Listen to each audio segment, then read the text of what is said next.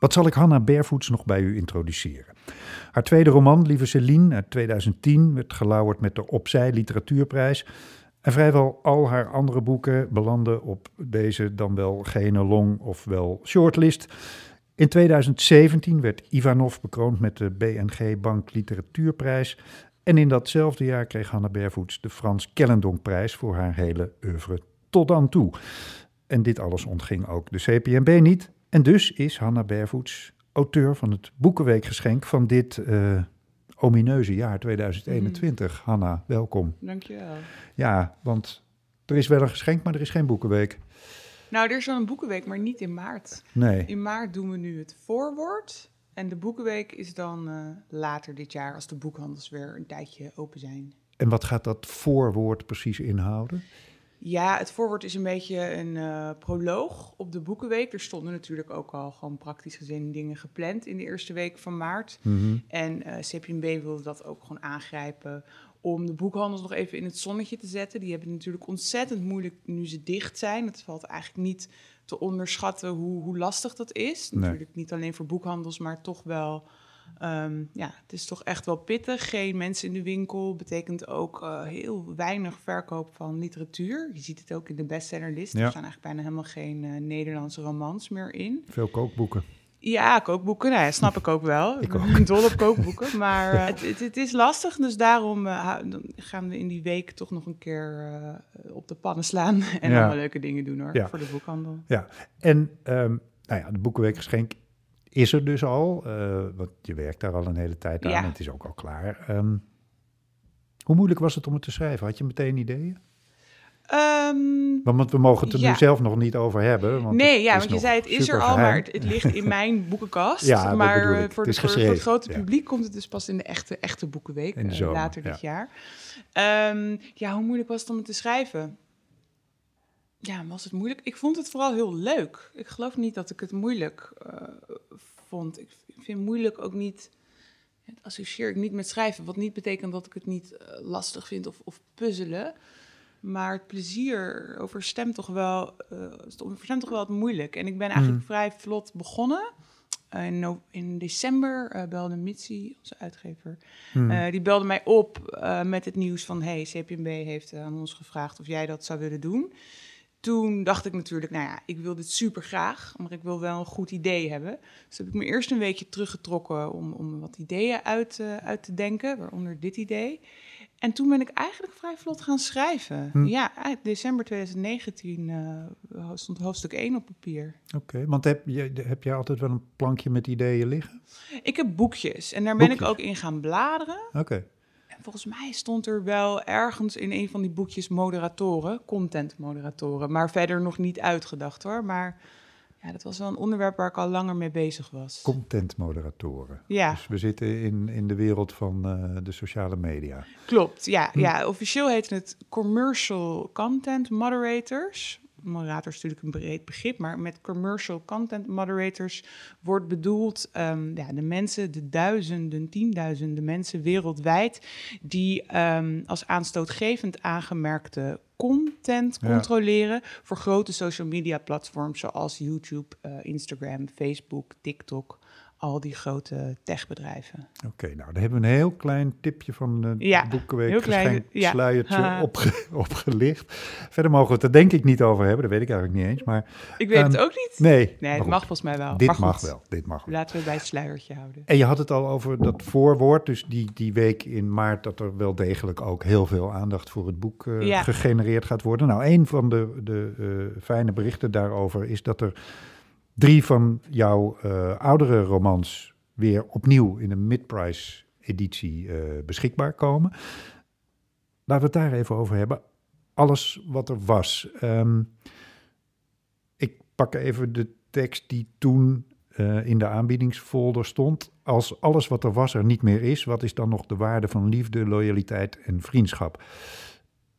Ik moest eerlijk gezegd meteen aan nu denken. Want zoveel van wat er was, uh-huh. is er nu ook niet meer. Ja, grappig. Ja, ik, ik kreeg heel veel berichtjes. Nou, ik wilde zeggen precies een jaar geleden, maar het is iets minder. Rond april vorig jaar. ook op Instagram. mensen posten het in stories van... oh mijn god, het lijkt wel een boek van Hannah Barefoot.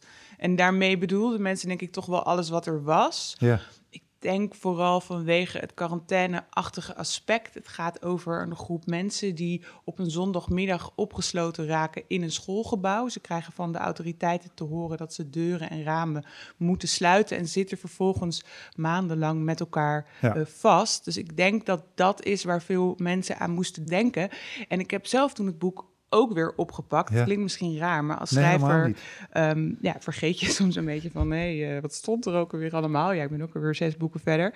Ehm, en wat mij vooral eigenlijk opviel... was dat de personages de hele tijd praten over de oude situatie... en de nieuwe situatie. En daarin resoneert natuurlijk heel erg uh, de overheidstaal... van uh, het nieuwe normaal en, en, het oude normaal... die wij massaal hebben overgenomen, die taal...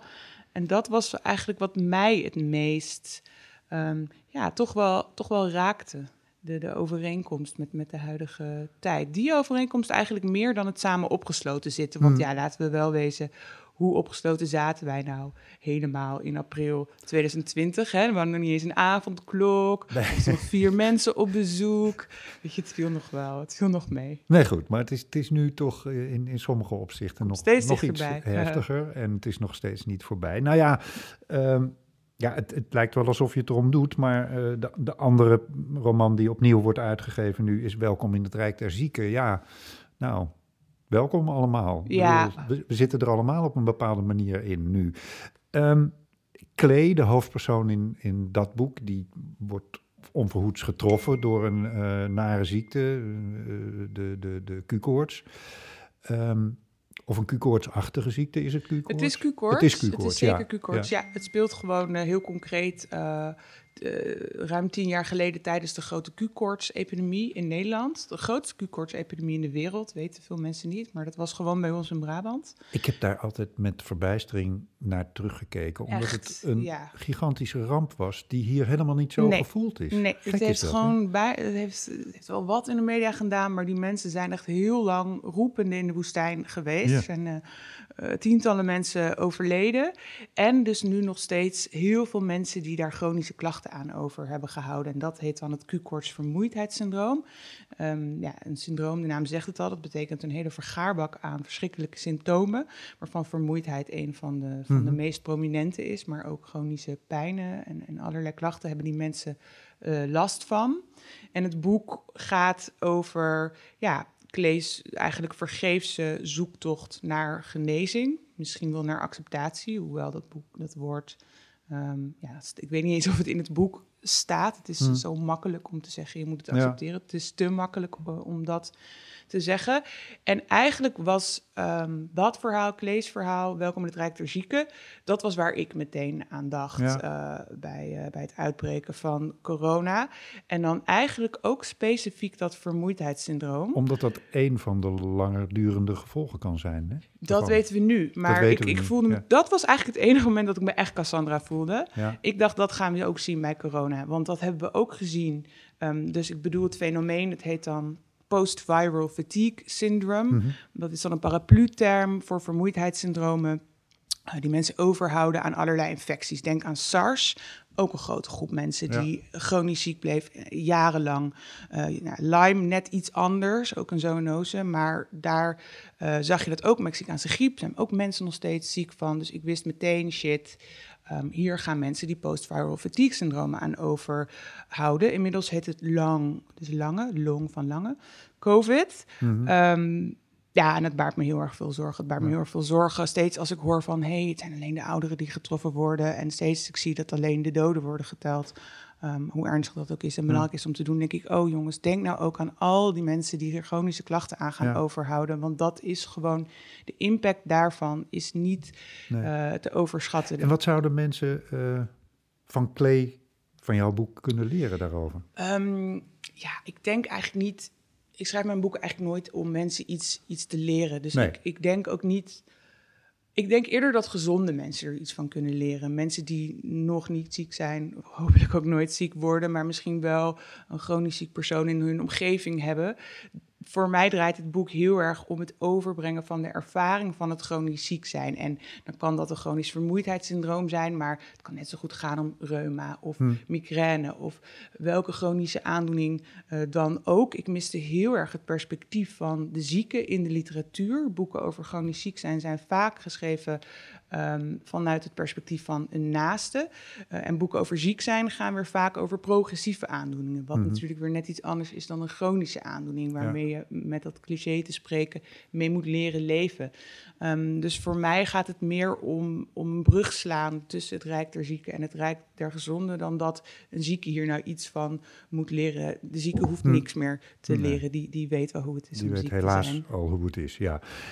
En dan het derde boek, Efter.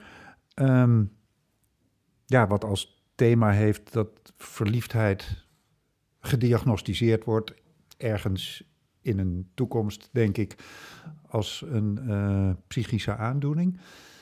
Ehm, hoe ben je op dat idee gekomen? Ja, nou, het is grappig. Efter is het, het oudste boek van. Uh, is dat eigenlijk zo? Nee, nou, ik weet het zelf niet eens meer. Maar het is een wat ouder boek, eigenlijk een veel ouder boek dan uh, Welkom met Rijk Zieken, waar we het net over hadden. Oh, jij zoekt het even op. Ik kijk even of, of ik het zo snel kan vinden, maar ik geloof niet dat het hierbij staat. Nee. Ja. maar um, ik, heb het wel echt flinke tijd geleden geschreven. En dat was in een tijd waarin veel werd gediscussieerd over de nieuwe DSM-catalogus. En de DSM-catalogus is een diagnostisch handboek dat artsen over de hele wereld gebruiken om psychische aandoeningen vast te stellen. Ja. En je moet het je zo voorstellen, er staan allerlei aandoeningen in. En onder elke aandoening staat eigenlijk een checklist. En als je dan acht van de tien symptomen hebt, dan heb je autisme, ik zeg maar wat, of ADHD.